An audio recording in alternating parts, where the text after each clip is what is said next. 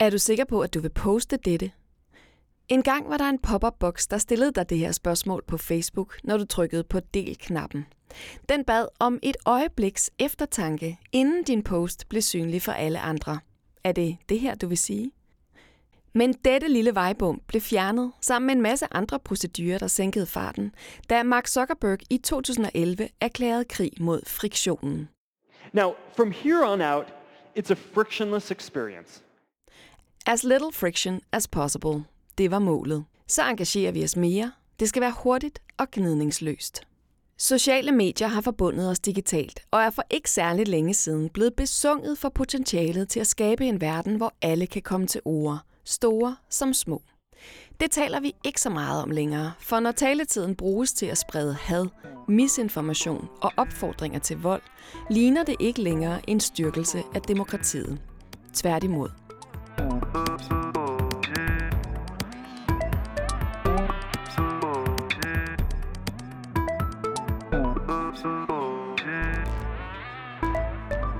Hvilken indflydelse har det, at friktionen gradvist er blevet minimeret på sociale medier? Og hvad er det for en ny type friktion, man nu taler om at tilføje, for at dem op for det uønskede indhold, og minder os om, at eftertanke måske ikke er helt dumt i forbindelse med kommunikation?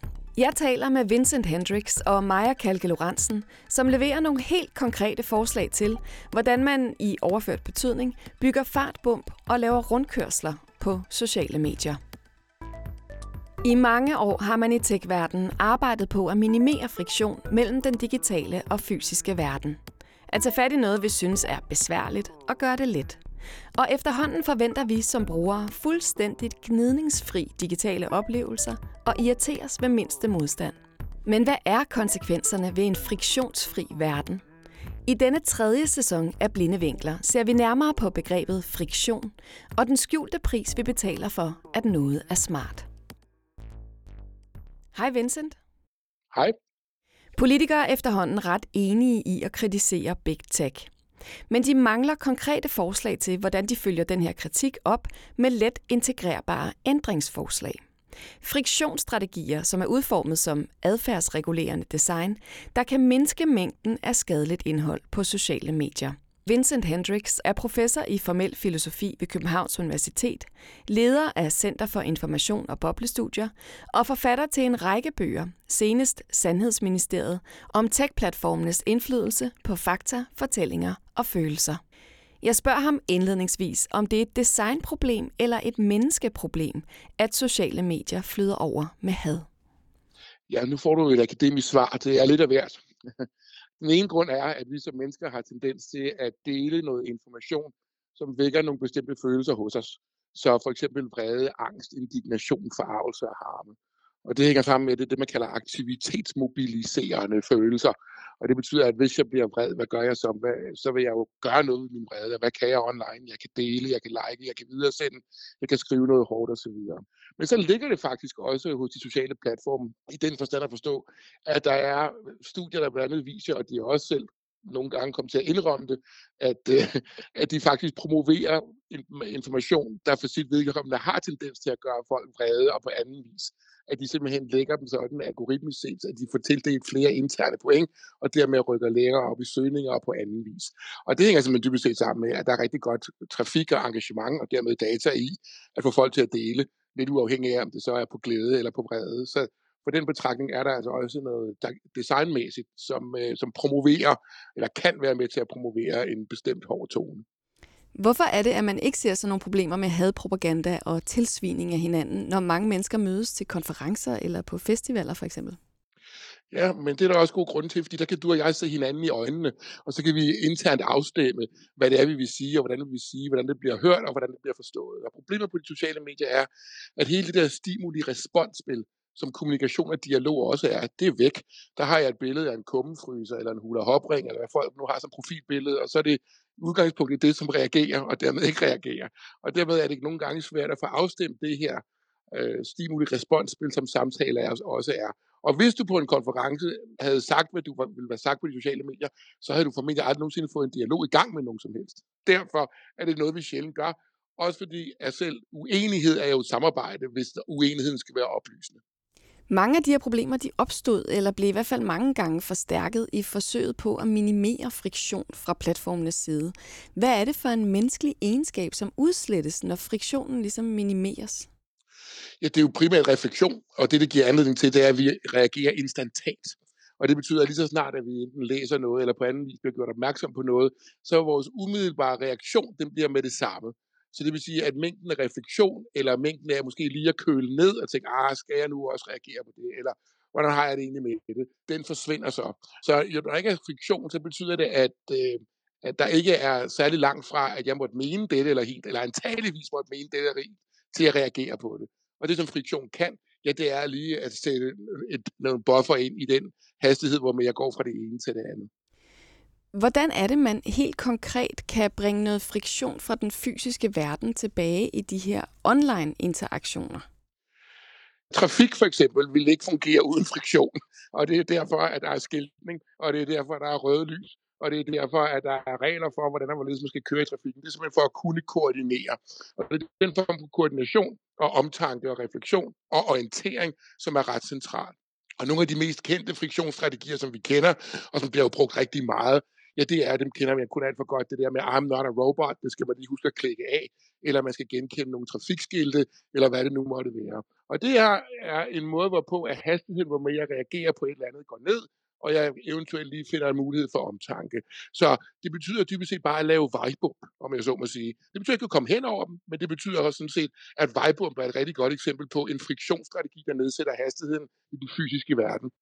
Vi har et samarbejde lige nu med et forslag, som vi er kommet med til en meget konkret friktionsstrategi. Og udgangspunktet for den her friktionsstrategi, det er, om det ikke vil være en god idé, at alle, altså det vil sige brugerne i særdeleshed, og også platformene, som jo bruger de her fællesskabsstandarder til at moderere med, at alle er bekendt med de pågældende fællesskabsstandarder, som gør sig gældende på en platform, for eksempel Facebook. Og det er jo de færreste, der har læst de her fællesskabsstandarder. Men havde du læst dem, så ville du vide, at der var rigtig meget, man ikke kunne på de her platforme. Så det vi foreslår, det er, at man på vilkårlige tidspunkter, når man logger på, eller skal til at dele, eller videresende, eller kommentere, bliver stillet tre spørgsmål om fællesskabsstandarderne. Og hvis du kan besvare dem, så kan du bare gå videre. Og hvis ikke, så skal du lige tilbage og læse på lektien med henblik på at kunne besvare dem. Og det vil jo være en friktionsstrategi, som skulle være til alles gavn. Altså, det skulle være til gavn for brugerne, at de bliver bekendt med de standarder, under hvilke de opererer, og det burde også være til gavn på de pågældende platforme, fordi så er nogle af de krav, kræfter, som de bruger på at moderere, kunne de så bruge andet sted. Hvad er det ellers for nogle friktionsstrategier, som de sociale medier kunne indsætte for at få os til at øh, sænke hastigheden og reflektere noget mere? Altså man skal lige huske på, at de sociale medier har jo altså også gjort det. Og det er en af de ting, som vi får også at vide i forbindelse med Francis Haugens whistleblower der i september-oktober 2021. Der er det faktisk sådan, at i forbindelse med amerikanske præsidentvalg 2020, der indlægger Facebook eksplicit nogle friktionsstrategier, der gør, at det bliver sværere at dele bestemte slags misinformation. Og det virker faktisk mængden af misinformation falder faktisk på Facebook i forbindelse med det pågældende valg. Men hvad der også er tilfældet, det er, at efter valghandlingen er overstået, så dispenserer de, eller så suspenderer de de her friktionsstrategier simpelthen, fordi det er dårligt for trafikken. Det går simpelthen for langsomt. Der bliver ikke delt nok, engagementet falder, trafikken falder, og dermed også datahøsten. Så, bare for at sige det her, at det har en effekt. Bare tænk på ens egen brug. Tænk, hvis det er sådan, at man skal lave 3-4 klik for at få lov til at gøre noget som helst. Så begynder man at tænke, ah, er det virkelig det værd for mig? Så det vil sige, at blot det faktum, at det bliver en lille bit smule mere besværligt, er faktisk en del af at få skruet hastigheden ned, hvor med at vi reagerer. Det betyder så også, at mængden af overvejelse også kan dermed kan stige. Det følger ikke, at det nødvendigvis vil gøre det, men den kan gøre det. Kan det gøre en forskel, hvis man i højere grad skal stå til ansvar for, hvem man er på de sociale medier? Altså ikke kun, hvad man poster, men også, hvad man liker, hvad man videresender, hvad man sender i beskeder og alt muligt andet. Hvis det bliver mere synligt på min profil, for eksempel, hvem jeg er på de sociale medier, kan det gøre en forskel? Ja, det er der også noget, der tyder på, og der er også noget, der tyder på, at man bliver begrænset noget af den simple årsag, at det har også en slagside. Så for eksempel, at hvis du begynder at like noget, og man kan se, man kan se hvad det er, du har liket, og man kan se, hvad andre har liket, og de har liket meget det samme, som du også har liket, og de igen har liket det samme, som andre har liket, og så fremdeles. Så lige pludselig kan du få en lemming-effekt af alle mulige, der antageligvis liker det samme. Og derfor har man tænkt på, at man skulle skøre den anden vej, nemlig, at man skal ikke kunne se for meget, man kan kunne se de, de 100 sidste likes, men, der, men dermed ikke mere, for at undgå for eksempel sådan noget som lemmingeeffekter. Så øh, på den ene side er der noget, der tilsiger, at måske ville den enkelte person tage et større ansvar, hvis det var mere transparent over, hvad de havde liket, og samtidig har man ikke lyst til, at, det skal, at der skal være alt for meget af det, for det kunne så have nogle andre slagsider andre steder. Kan man lave alle de her ændringer og indsætte mere friktion, øh, som vi taler om, uden at ødelægge det, vi i virkeligheden også elsker ved sociale medier? Altså det her lette fix og samtalen og den her instant gratification, der ligesom er? Øh, nej, det kan du ikke. Det kommer til at koste et eller andet. Men det, man bekymrer sig om lige nu, eller det, som platformene bekymrer sig om, det er jo ikke så meget brugerne, det er dem selv. Hvad koster det også, hvis de laver for mange friktionsstrategier? Fordi hvis de begynder at lave friktionsstrategier, der betyder, at hastigheden og engagementet falder, så betyder det også, at data, mængden af data falder. Og det betyder i sidste instans, at mængden af data, man kan høste, analysere og sælge til annoncørerne, den falder dermed også. Og det betyder, at deres indtjening falder. Så de har været ret modvillige med hensyn til at gøre specielt meget, simpelthen fordi det fodrer direkte ind i deres forretningsmodel og er dårligt for deres forretningsmodel, hvis engagement, trafik og data, og dermed datasalg for deres vedkommende falder. Kan det ikke også være i platformenes egen interesse at indsætte friktion og skabe noget omtanke, som vi taler om? Altså, de er jo udad til meget optaget af at opføre sig etisk, lader det til. Ja, selektivt er de. Selektivt kan man sige. Det, det er lidt afhængigt af, hvilken platform vi kigger på. Vi har haft eksempler, hvor de faktisk har påtaget sig et civilsamfundsaktøransvar. Så for eksempel, da, da Mark Zuckerberg indrømmer over for den amerikanske kongres, at man godt kan købe en misinformationskampagne på Facebook, så går Jack Dorsey fra Twitter ud og siger, så nu bandlyser vi al politisk reklame på Twitter. Det kunne simpelthen ikke købe dig til det længere. Samtidig har vi også set, at, at Facebook sammen med WHO i forbindelse med corona faktisk prøvede at lave nogle kampagner mod misinformation, og også gav en masse penge til, at forskellige sundhedsmyndigheder og andre de kunne reklamere gratis på Facebook om deres information vedrørende alt fra corona smitte i den ene ende til behandlingsforløb og den slags i den anden. Så, så man kan sige, øh, jo, det har de, men, de er nok, men, men der er ikke en stor konsekvens med hensyn til, hvor det er, at man lige pludselig så retter skytset hen. Og det er sådan typisk lidt afhængigt af, hvad der sådan er politisk profitabelt og ikke profitabelt lige nu og her. Og det hænger jo i sidste ende sammen med, at vi ikke rigtig nogen lovgivning har, eller begrænset lovgivning har. Og den første er begyndt at bekomme nu i den her måned, eller nærmere lige sidste måned, der fik vi jo så den store Digital Markets Act fra øh, EU's side, som i vid udstrækning er et forsøg på at begrænse deres størrelse altså de tech-giganternes størrelse, og også at gøre plads til mindre aktører i markedet, som ellers ingen chance har for at nå igennem med deres produkter og deres ydelser. Hvilke tiltag er der allerede nu fra platformenes side i forhold til at prøve at begrænse det her? Fiktionen er kommet til for at prøve at, at gøre noget ved de problemer, der er, hvad enten det er hadtale, eller det er spredning af misinformation eller andet. Og det, der er tilfældet nu om dagen, for eksempel, det er, at der skal meget mere til for at få lov til at oprette en profil, end vi har skulle se det før, for eksempel. Ikke? Um, hvor, hvor det var meget lettere at lave anonyme profiler. Det kan man sådan set også godt stadigvæk, men det er lidt mere besværligt, fordi man afkræver noget mere information om brugerne. Um, og det hænger simpelthen sammen med, at man er bekendt med, at der er problemer på det her, og, det, og vi ved, at friktionsstrategier faktisk havde vist, de virker derved, at de skruer hastigheden ned, og dermed også gør det mere besværligt for folk at sprede misinformation eller hadstale, eller hvad det, hvad det nu måtte være. Så, så vi ser tiltag mere, end vi har set det før. Og det er jo sværere at lave anonyme profiler nu, end det har været før, hvis vi tager de mere etablerede sociale medier. Og det er jo også en del af friktionsstrategierne. Så jo mere de, så jo mere de afkræver information om de enkelte brugere, jo mere begynder brugerne også at tænke, er jeg villig til det faktisk? Hvorfor var det, at der blev blæst til kamp mod friktionen for at minimere den så meget, som man overhovedet kunne på sociale medier og på internettet i det hele taget? Man skal være meget opmærksom på en ting. Forretningsmodellen for alle de sociale medier er den samme. Du allokerer folks opmærksomhed ved hjælp af information. Det, at du allokerer deres opmærksomhed, det giver engagement. Engagement, det giver trafik. Trafik, det giver data.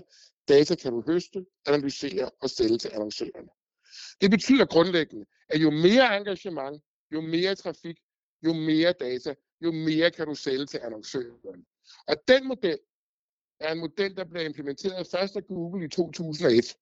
Og mellem 2001 og 2004, hvor de børsnoterer sig selv, der har de en vækstrate på 2500 procent eller sådan noget. De går fra en egenkapital på 80 millioner til en egenkapital på over 3 milliarder dollars. Facebook kører med røde tal de kører med røde tal frem til 2011, hvor Sheryl Sandberg går fra Google over til Facebook og implementerer den samme model. Og det vil sige, fra 2012, 13, 14 stykker og frem til de der børsnoterede, det er der, hvor de begynder at tjene de her afsindige mængder af penge og blive så styrtende hovedrige på at sælge reklamer. Og det er argumentet for, at man ikke har lyst til at have friktion, fordi friktion er ikke befordrende for trafik, engagement, data og salg. Så jo mere, så jo mere fiktionsfrit det er, jo mere engagement, jo mere data, jo mere salg. Og derfor argumenterer Mark Zuckerberg for, at det skal selvfølgelig være en frictionless experience. Der skal være så lidt friktion som muligt. Og det er faktisk nu, vi begynder at se den gå den anden vej. Fordi der er konsekvenser af den her frictionless experience. Og det er hadtale og misinformation og alt muligt andet, som vi finder, som vi synes er ved stykkeligt ved de sociale medier. Så det vil sige, at mellem det faktum, at der ikke har været noget redaktionelt ansvar, at man kunne pålægge platformene, og at de for øvrigt for deres vedkommende også mere eller mindre har haft frit slag for, at man ikke vil begynde at bruge antimonopollovgivning mod dem, så kunne de blive så store, og det er alt sammen endt i deres lomme. Så grunden til, at der, er en, der skulle være en frictionless experience, det er fordi, det er godt for pengepungene, for firmaerne.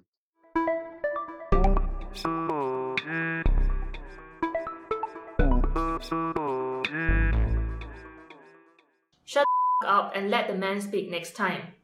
Oh, please, flatter yourself anymore, you stupid. You are a joke and you're nothing but a stupid Asian girl trying to take over the world. Your article made me sick to my stomach and you have no integrity. I cannot believe you prostituted yourself. You should just send your article to Pornhub. No wonder you are still single. Alle, der udkommer og debatterer online, kender til hadbeskeder og kommentarer. Undersøgelser peger på en tsunami af had på sociale medier, og udviklingen kalder på nogle modsvar. Men hvorfor opstår alt det had online? Og hvorfor er det så svært at dæmme op for? Hej Maja. Hej. Maja Kalke Lorentzen er ekspert i digital kultur, online hadfællesskaber og digital chikane. Og så er hun forfatter til bogen Kan trold tæmmes om internettrolde og online debatkultur. Hun er en del af kooperativet Cybernauterne, der arbejder med formidling af digital kultur og cybersikkerhed. Jeg beder Maja om at beskrive omfanget af problemet med had på sociale medier. Jamen, altså, det er jo et problem på nogle forskellige måder. Vi har jo set, øhm, hvordan forskellige meget ekstreme bevægelser, for eksempel på den yderste højrefløj, øh, er vokset frem. Det er også et problem, fordi vi lige pludselig alle sammen, øh, hvilket jo er en god ting, skulle man tro, for demokratiet har en mulighed for at debattere og ytre os, hvor før i tiden, så var der nogle, øh, hvad kan man sige, øh, nogle rammer om det. Altså man skulle ligesom godtage sig en avis for at få et debatindlæg i, og eller så kunne man stille sig ned på torvet på en sæbekasse med, hvor mange nåede man så. Men nu har man potentialet for at nå et kæmpestort publikum. Og det er, jo en, det er jo en meget god ting, men det betyder så også, at alle øh, kan tale, og der ligesom ikke nødvendigvis er noget filter. Og at øh, effekterne af, at, at det betyder, at mange sådan ligesom kommer med nogle meget øh, aggressive eller hadfulde ytringer i den offentlige debat, for eksempel. Det, det er først noget, som er sådan blevet mainstream at snakke om nu, men det har allerede skræmt rigtig mange mennesker væk. Det har vi vist længe at for eksempel kvinder og folk, der tilhører forskellige minoriteter, i mindre grad blander sig i den offentlige debat, fordi de risikerer at møde det her had eller det sted chikane, der går på deres køn og deres minoritetsstatus. Så mens vi måske i starten af mainstream sociale medier så sådan en opblomstring, og nej, sikkert demokratisk potentiale, er de her mennesker, der blander os, blander sig, så ser vi nu en afkøling, og det kan vi også se på forskellige former for rundspørger, hvor der er blevet spurgt de sidste par år, hvor deltager du i den offentlige debat på sociale medier, og det er der færre og færre, der gør i Danmark, fordi de ikke orker på grund af den hadske og hårde tone. Så man kan se sådan en, en afkølende effekt, øh, kan man sige. Hvad karakteriserer de her hadfællesskaber, som du kalder det? Hvad er det, man finder sammen omkring? Jamen, man finder sammen omkring det at hade en anden gruppe som regel i samfundet. Så det kan for eksempel være en Facebook-gruppe, hvor man øh, samles om at, at hade på forskellige minoriteter, eller på kvinder, eller det kan være en antisemitisk hadegruppe. Altså det her med, at man at ens, det man sådan, ens grundlæggende enighed er primært sådan afsky eller had til eller frygt for en bestemt anden gruppe i samfundet. Og det, som der er interessant ved det her, det er jo, at det så tit gør, at man møder nogle andre hadfællesskaber. Du, du starter måske et sted, hvor du du er vred på din ekskæreste, og du finder en online gruppe, hvor det er sådan, ja, alle kvinder er også bare overfladiske, og de vil tage mænds penge, og så er du ligesom der, og så er der også nogen, der inviterer dig et andet sted, hvor de også er vrede på kvinder, men de mener, har så også lige en eller anden forestilling om, at det er en jødisk konspirationsteori, at øh, alle kvinderne er sådan der. Eller at de siger, jamen prøv at se på muslimerne, dem hedder vi også. Så man ligesom, når man allerede er i det der mode, hvor det er definerende for ens ideologi, at der er en gruppe i samfundet, som man hader, og som man øh, mener er farlig, og som man gerne vil begrænse på en eller anden måde, så er det nemmere at åbne op for had over for andre også. Hvis man opfører sig dårligt på sociale medier, bliver man så belønnet af systemet?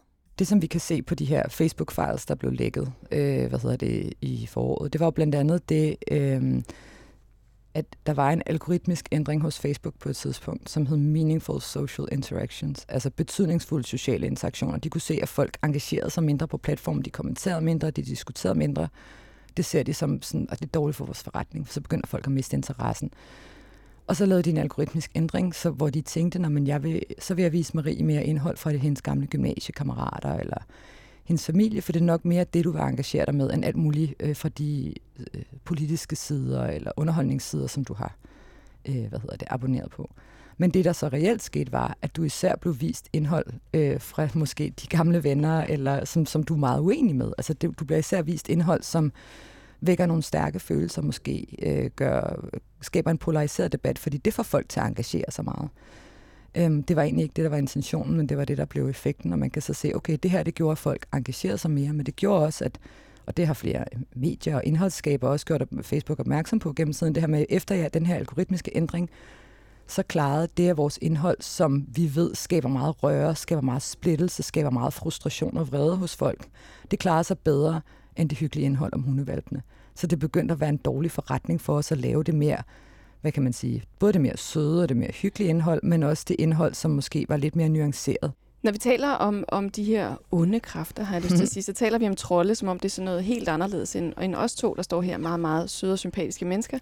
Altså, som ligesom udnytter et system. Øhm, men er det, er det os alle sammen, har jeg lyst til at sige, der har det her i os, eller er det nogle få altså, rådne æbler? nej, altså jeg vil sige, trolde er jo ikke en personlighedstype. Altså, der er nogle mennesker, som sådan, du ved, de vidder lige bare nogle trolde, fordi de synes, det er skide sjovt. Det er en adfærdsform, og vi kan alle sammen enten falde i eller gøre det helt overlagt. Altså mange af de her, hvad kan man sige, taktikker med at provokere en reaktion og få folk til at, at, at hoppe på ting og hisse op i kommentarsporet og sådan noget der. Jeg har arbejdet for, for to NGO'er. Altså vi brugte jo også nogle af de her taktikker for at bryde igennem lydmuren til, til mennesker med vores politiske budskaber og få dem til at engagere sig, eller få dem til at skrive under på en underskriftsindsamling, eller få dem til at dele et budskab eller et eller andet.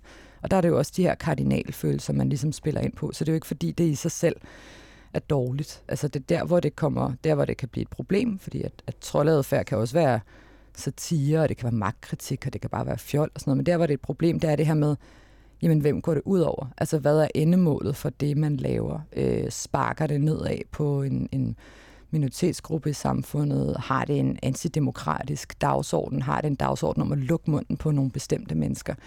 Øhm, så det er altså det der med at kigge på effekterne og intentionerne bag det. Øh, men hvis man kun kigger på selve adfærden isoleret, så, så, så, misser man, øh, så misser man noget. Fordi alle kan, alle kan også blive vrede, når de diskuterer på nettet, og det er også fair nok. Altså vi skal også tillade vrede som en del af den offentlige diskurs. Ja, men måske lige præcis problemet med, med at fjerne friktionen, i hvert fald noget af det, som den her episode handler om, det er, at når det bliver meget, meget let og meget, meget hurtigt mm. at dele sin vrede, mm så når man jo ikke at tænke sig om. Nej. Det vil jeg jo gøre, hvis jeg stod over for dig og blev vred på dig, tænker jeg. Ja, fordi så vil du lige være sådan, oh, cost-benefit-analyse, man tænker sig lige om, man aflæser også lige noget kropssprog, og altså, de fleste mennesker øh, har noget tilbageholdenhed med, med at sådan øse vrede ud over, også ud over fremmede mennesker, men måske nu mere mennesker, som de kender og, og holder af. Men, men det her med friktionen, altså man kan jo se det tidlige øh, nyhedsmedier, der havde et kommentarspor, der skulle man jo logge ind. Så det her, man kunne skrive en, øh, man kunne skrive en kommentar, men så er det sådan, du skal lige oprette en konto, du skal lige logge ind. Og allerede der, så man sådan, ved den her kommentar, er den prisen værd? Og så fik man måske lige skrevet den igen. Der kunne også være nogle andre barriere, som sådan et tidspunkt, for eksempel. Det kan man jo også sætte på sin e-mail. Der er nogen, der snakker om på det der med, at jeg må ikke sende e-mails øh, efter klokken 11, for sandsynligheden for, er jeg lidt fuld og skriver ind til min eks. Den er høj, så derfor så, så udsætter den automatisk, det kan man sætte sin mailprogram til, og så kan jeg lige review den i morgen tidlig. Jeg kan lige kigge efter i morgen tidlig og se, er det noget, jeg har lyst til at sende. Øhm, det kunne også være noget med, du ved, at man har nogle øh, ordfiltre, så hvis du skriver det her, så, så kommer der lige en eller anden sådan, hey, læs lige den her op igen. Øhm, og at man kan også se, altså det er jo faktisk indbygget på, øh, på Facebook livestreams, der kan man lægge nogle ting ind over, så man kan sige, hvis jeg afholder en livestream, så kan jeg forhindre folk, der ikke er følger min side, jeg kommenterer. Men jeg kan også sige, folk må ikke kommentere mere end hvert minut. Fordi hvis de kommenterer mere end hvert minut, så er sandsynligheden for, at de sidder og spammer, den er ret høj, for eksempel. Eller ikke, at den her type filter over, den her type ord, det må du ikke skrive, så ryger du ud. Så de kan jo godt lægge det her friktion ind, som er sådan, hey, det må du ikke, eller tænk dig lige om, eller hvad er det? Altså det, det kan de sagtens. De har bare ikke haft nogen interesse i at gøre det, fordi det er jo dårligt for væksten, det er dårligt for engagementet. Altså de, de tjener jo penge på, at vi, er, vi bruger deres platform. Men hvad tænker du om selve det med at indlægge friktion? Det kan være for eksempel den her tidsfaktor, som, som du nævner som en af mulighederne. Hvad vil det gøre for samtalen, tror du?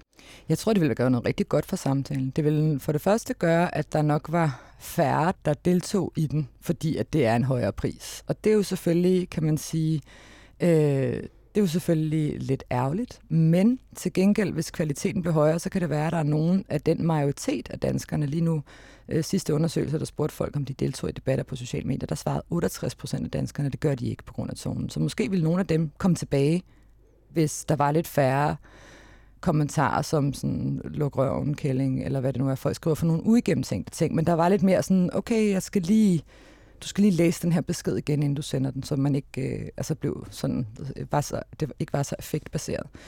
Øhm, men det er måske heller ikke så dårligt, at, øh, at det er altså kvalitet over kvantitet. Altså lige nu så er det en, en, en minoritet, der, der debatterer, og, øh, og det er ofte det her med, at, at de her debatter, hvis vi kigger på dem på, på Facebook for eksempel, hvor de fleste mainstream-medier har rykket deres kommentarspor over, så er det også ofte sådan en meget... Øh, hvad kan man sige, effektstyret og ikke særlig sådan konstruktiv samtale. Altså, der er jo ikke rigtig nogen, der lærer noget af hinanden eller har en reel diskussion. Det er bare sådan, du ved, udgydelse af vrede kommentarer, der svarer på en eller anden clickbait i overskrift. Så det kunne jo måske være, at man kunne have altså designet noget interface, der reelt øh, åbnede op for en meningsudveksling mellem folk, der måske er uenige, men stadigvæk kan lære noget af hinanden.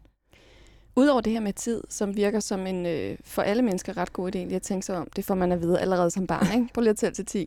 Men, men den anden ting kunne jo være det her med, at man mere bliver stillet til ansvar for, hvordan mm. man så opførte sig. Mm. Altså hvis der på min profil ligesom blev vist alt, hvad jeg ja. havde liket, så ville jeg da tænke mig meget mere om. Hvad tænker det, du, er det, det er jo det, der gør på, øh, på Twitter. Altså der bliver dine svar og dine interaktioner, dem kan man jo faktisk gå ind og, og kigge på. Øhm, der er så ikke altid dine likes, hvad hedder det, men øh, det kan man så se, nogle gange dukker det op i folks feed. Men bare det, at man kan gå ind og se, hvem disk- hvordan diskuterer du, hvad laver du, så bliver man jo i højere grad holdt til ansvar for, hvad man laver.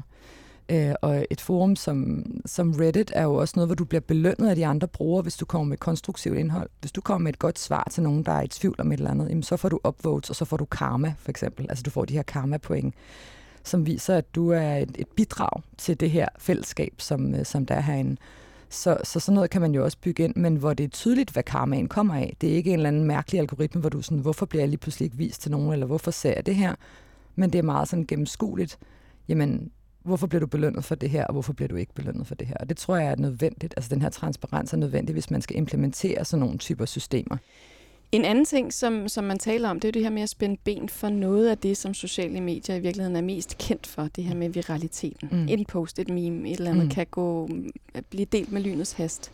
Hvad tænker du om det med ligesom at, øh, at begrænse det? Jamen altså, det er jo både ærgerligt, fordi viraliteten er jo, er jo meget centralt for den måde, øh, internettet og sociale medier fungerer, men det er også noget af det, som gør, at øh, ofte sådan hvad kan man sige, problematiske budskaber, misinformation, alle de her ting kan sprede sig hurtigt, fordi hvis man kan se, at de har en, hvad kan man sige, en, en, øh, en viral komponent, så vil de ofte klare sig bedre på de her platforme, også selvom det, de indeholder, måske er for eksempel se nogle meget medicinsk misinformation blive spredt meget hurtigt under corona, eller det kan være hadefulde beskeder eller sådan noget. Vi har mange af de her grupperinger, som ved, hvordan kan man øh, game øh, viralitetsalgoritmen til at få det her provokerende indhold til at gå viralt. Så, så det er et problem, at misinformation eller hadfulde budskaber spreder sig hurtigere på grund af viraliteten. Også folk, der er uenige i dem, deler dem også tit med det, man sådan på internetsprog kalder et dunk, ikke? altså sådan en nedladende kommentar, men så deler vi det jo stadigvæk. Content moderation, altså det at gå ind og fjerne uønsket indhold, er metoden, som man indtil videre har brugt. Måske nærmest som det eneste våben, platformene taler om i hvert fald at bruge. Hvad tænker du om det? Er det stadig vigtigt? Det er sindssygt vigtigt med content moderation, og det har været det eneste våben, men, men det har jo slet ikke været nok. Altså det har været lidt ligesom at det ved ikke, øh, sende nogle plastre ned til folk, der er i angrebskrig eller et eller andet. Ikke? Altså det er sådan, der har ikke været øh, nok indholdsmoderation for platformene. De har øh, haft dårligt betalte mennesker, der er ansat af tredjepartsvirksomheder på øh, med uklare rammer og retningslinjer. Mange af de her mennesker, som skal sidde og se øh, indhold på for eksempel Facebook igennem og beslutte, om det skal fjernes eller ej, for PTSD, fordi de sidder og ser drabs, øh, overgrebsvideoer og sådan noget. Øhm, og så har det været enormt svært, det der med altså faktisk at få fjernet ting, der var problematiske, fordi de ikke har været hurtige nok til at sige, okay, vi kan se, det her er en tendens, vi bør nok gøre noget ved det. Et eksempel er, øh, ISIS brugte YouTube som radikaliseringsplatform i mange år, og mange forskere sagde det i lang tid, også kritiske journalister sagde det i lang tid til Google, og de var sådan, og så da der ligesom begyndte at blive tilstrækkeligt mange mediehistorier, og, og ISIS blev set som sådan et, et problem, så okay, jamen, så, så går vi ind, og så fjerner vi faktisk noget. Så samarbejder vi med det her forsker om at få fjernet det her indhold. Så nu ryger det meget hurtigere YouTube. Altså der, de prøver stadigvæk, men det er i langt højere grad fjernet, og det er meget mere effektivt sådan fjernelsesmekanisme, og det viser, at det kan de godt.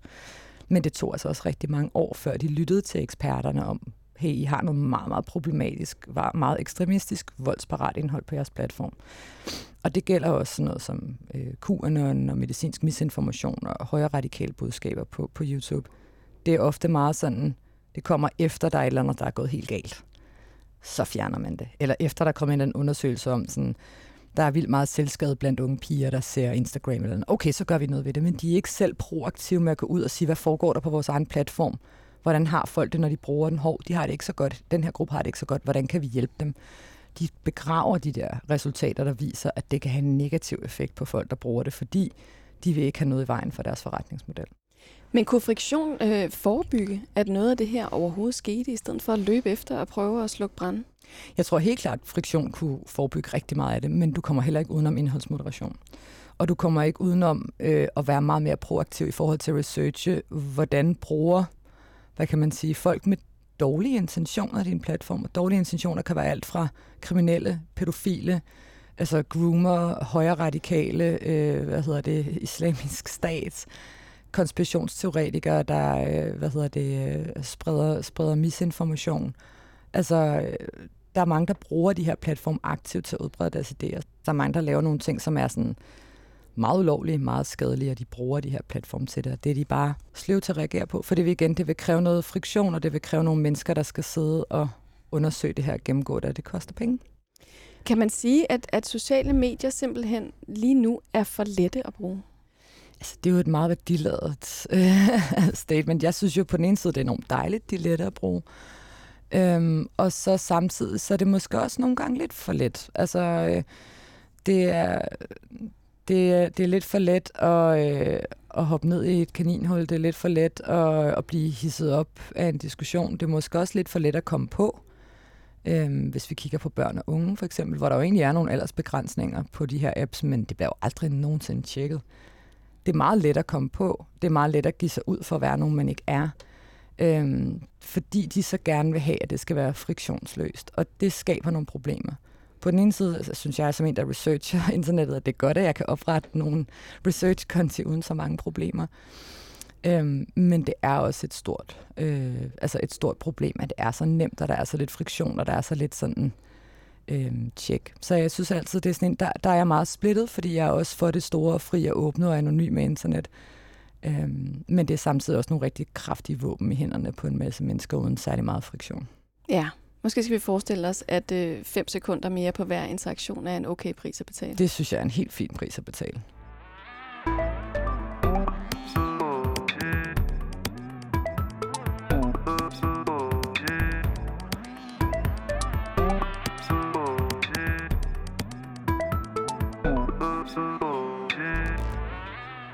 Det var alt, hvad vi nåede i denne episode om problemet med onlinehad og misinformation på sociale medier og muligheden for at begrænse det med indførsel af friktion.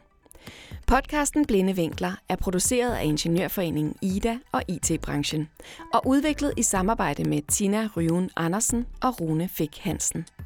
Den er tilrettelagt, redigeret og beværtet af mig. Jeg hedder Marie Høst.